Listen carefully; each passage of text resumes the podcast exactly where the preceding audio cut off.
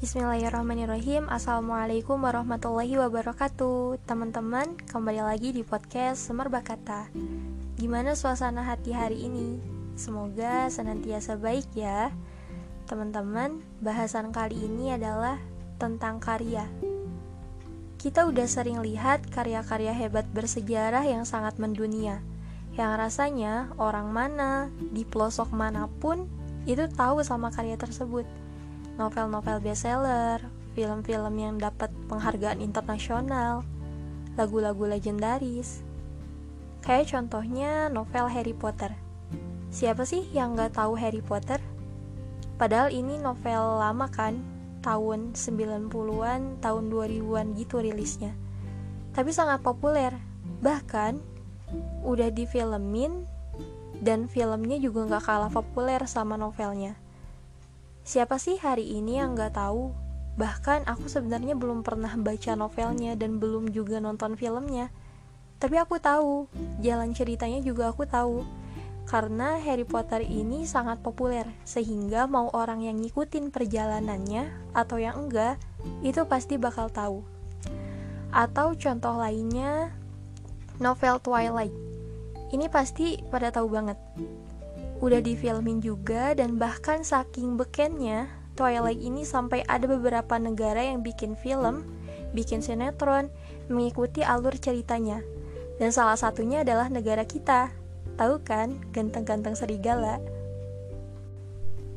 Ada juga lukisan Mona Lisa, karya Leonardo da Vinci. Ini dibuatnya udah lama banget kan, tahun 1500-an. Tapi kita yang hidup di abad 21 ini tahu sama lukisan tersebut. Kalau udah ada yang nyebut Mona Lisa, langsunglah terbayang sosok perempuan misterius berambut panjang. Lagu, tentunya banyak banget lagu-lagu legendaris yang masih didengar oleh orang-orang. Meskipun penyanyinya udah lama meninggal, tapi karyanya masih dinikmati. Sebutlah Elvis Presley. Gitu bukan sih nyebut namanya? Dengan julukannya King of Rock and Roll. Yang meski udah lama banget meninggalnya tahun 70-an tapi namanya masih harum sampai hari ini. Gayanya, lagunya masih disenangi oleh orang-orang di zaman ini. Michael Jackson dengan tarian khasnya The Beatles yang dinilai sebagai pemusik tersukses secara komersial dan paling banyak mendapat pujian dalam musik populer Walaupun aktif di tahun 60-an sampai 70-an, tapi lagu-lagunya masih dinikmati oleh anak-anak muda zaman sekarang. Posternya masih terpampang di kamar-kamar para pemuda millennials. Dari karya-karya legendaris yang tadi disebutkan, kita bisa menyaksikan betapa besar pengaruh sebuah karya. Efeknya bisa sampai bertahun-tahun mempengaruhi manusia. Tentu nama-nama tokoh yang tadi aku sebutkan itu harum di dunia udah meninggal aja masih dikenang. Karyanya berhasil, tapi apakah karya-karya itu harum di akhirat? Apakah karya-karya itu bisa menolong mereka di akhirat? Apa Allah ridho sama karya mereka? Karya mungkin bisa harum di dunia, tapi ingat, dunia itu fana, sewaktu-waktu akan lenyap, sedang akhirat itu kekal. Maka penting banget nih buat kita sebagai orang muslim yang beriman sama Allah, yang beriman sama hari akhir, penting banget buat kita memprioritaskan penilaian akhirat dibandingkan dengan penilaian dunia. Jadi, sebanyak apa pun karya seseorang, sepopuler apa pun dia, pada akhirnya ia pasti akan meninggalkan dunia. Maka sayang banget kalau karya-karya yang dirintisnya semasa hidup gak berefek apa pun untuk kehidupan akhiratnya. Apalagi kalau malah nambah-nambah dosa, kayak karya-karya yang mengandung kemusyrikan, karya-karya yang di dalamnya terdapat larangan-larangan Allah. Tentu setiap kali orang menikmatinya, itu akan berimbas dosa sama yang membuatnya juga. Muslim itu kaya akan karya. Itu yang dicontohkan oleh para pendahulu kita Bahkan, kita tahu kalau dulu Islam pernah ada di puncak peradaban, termasuk dalam karya, entah karya ilmiah, karya seni, itu orang-orang barat belajar pada Islam. Maka udah sepatutnya kita sebagai generasi penerus juga harus memberdayakan diri untuk berkarya. Nah, tapi tentunya karya kita juga bukan karya yang sembarang. Ada rambu-rambu bagi kita generasi muslim dalam berkarya. Yang perlu kita perhatikan paling pertama dan utama dalam berkarya adalah keridoan Allah. Allah ridho nggak ya kalau aku nulis ini? Allah ridho nggak ya kalau aku buat ini? Hal itu yang perlu kita utamakan. Dan tentunya, karya yang dekat dengan ridho Allah adalah karya yang gak melampaui batas, karya yang sesuai dengan tuntunan Al-Quran dan As-Sunnah, sesuai dengan hukum-hukum syariat. Misalkan kita bikin karya sebuah lagu, terus kita bikin lagunya ada kata-kata kasarnya, ada kata-kata yang gak mendidiknya. Kira-kira Allah ridho gak ya? Atau kita bikin novel percintaan anak SMA, Allah ridho gak ya? sedang itu nggak sesuai sama aturan-aturan Allah. Maka buatlah karya yang sesuai dengan apa yang diaturnya agar karya tersebut dapat disukainya. Yang kedua, pastikan karya kita itu memberi manfaat yang baik, mengajak sebanyak-banyak penikmatnya menuju jalan kebaikan, bukan malah sebaliknya. Karya kita harus mampu membuat orang lain mendekat pada Allah. Ingat kepada Allah, kembali kepada Allah. Maka sebenarnya yang seperti itulah karya yang berhasil itu. Kemarin-kemarin aku sempat cerita di story Instagram tentang guru aku yang pernah bilang, Gak semua orang mendengar penjelasan Al-Quran, gak semua orang mendengar perkataan ulama, bisa jadi ia mendengarkanmu.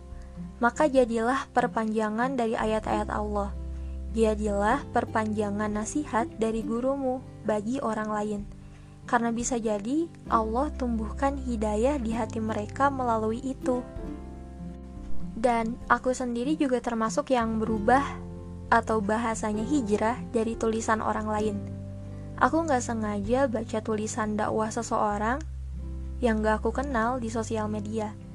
Dan tiba-tiba aja muncul keinginan berubah ke arah yang lebih baik, muncul keinginan mempelajari agama lebih dalam lagi, memperbaiki cara berpakaian, cara bertutur, cara bersikap, hingga aku ikuti jejaknya untuk menulis juga. Awalnya emang merasa berat buat menulis, lebih ketakut sih, takut dibilang so benar, so pinter, so alim, dan bahkan beneran terjadi. Pas awal-awal nulis itu banyak yang tercengang gitu.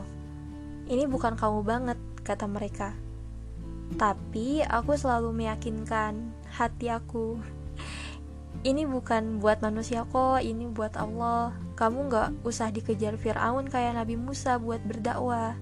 Kamu gak usah dilempari batu kayak Rasulullah buat berdakwah. Kamu tinggal nulis terus posting. Walaupun followersnya dikit walaupun yang baca dikit gak apa-apa. Gak ada yang ngambil pelajaran pun setidaknya aku telah mencoba menggunakan sosmed untuk sesuatu yang insya Allah Allah ridho. Gitu kata aku dalam hati buat diri aku sendiri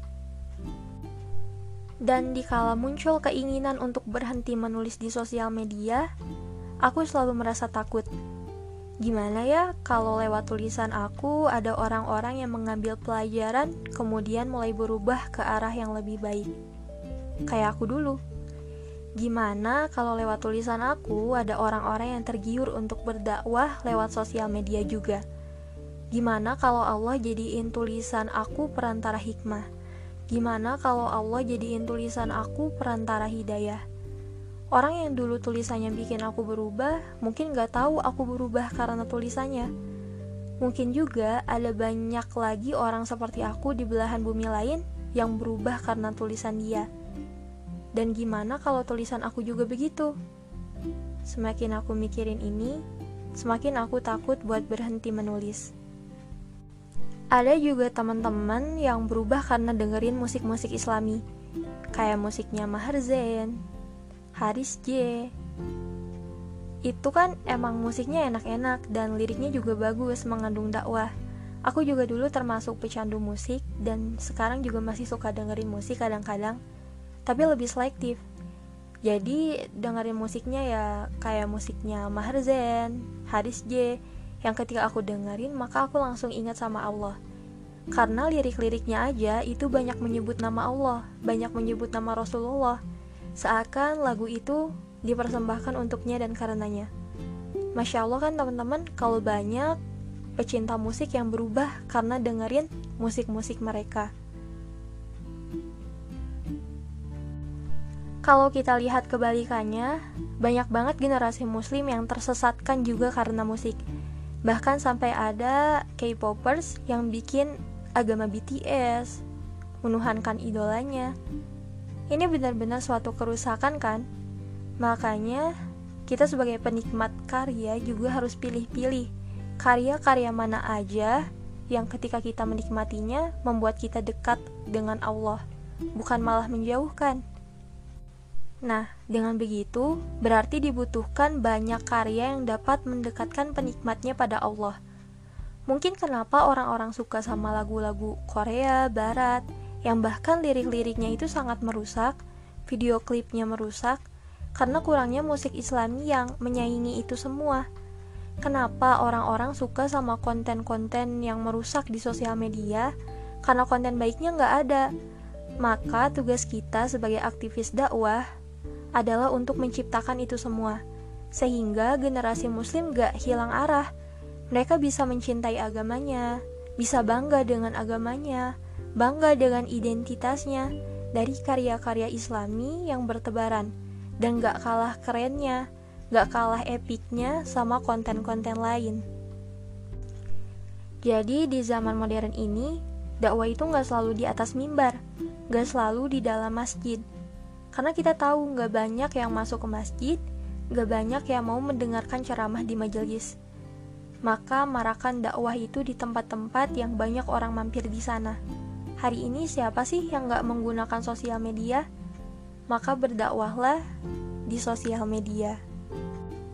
Kalau kita lihat para pendakwah sosmed itu, viewersnya bisa sampai ratusan ribu.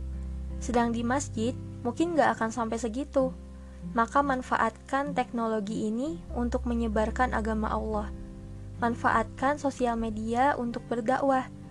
Hingga semoga dari dakwah kecil-kecilan kita di sosial media, banyak teman-teman kita yang tergiur untuk mendatangi majelis di masjid-masjid untuk menuntut ilmu yang lebih dalam lagi. Jadi, teman-teman yang dengerin, dengan apa pun hobi teman-teman, apa pun minat, bakat, potensi teman-teman, yuk kita mulai berkarya dengan karya-karya yang tujuan utamanya untuk meraih ridha Allah. Karya-karya yang diharapkan dapat menjadi jalan kebaikan untuk orang lain. Jalan hidayah untuk orang lain, yang di mana saat orang-orang menikmatinya, mereka ingat kepada Allah. Saat orang-orang menikmatinya, mereka memuji Allah Semoga setiap lelahnya, keringatnya, setiap alat, setiap aplikasi yang digunakan untuk membuat, setiap waktu, setiap kuota yang habis, setiap karya yang tercipta, karya yang terposting di sosial media, menjadi saksi di hari akhir nanti yang kemudian mampu menghantarkan kita menuju pintu surganya. Amin. Sekian podcast kali ini, semoga bermanfaat. Wassalamualaikum warahmatullahi wabarakatuh.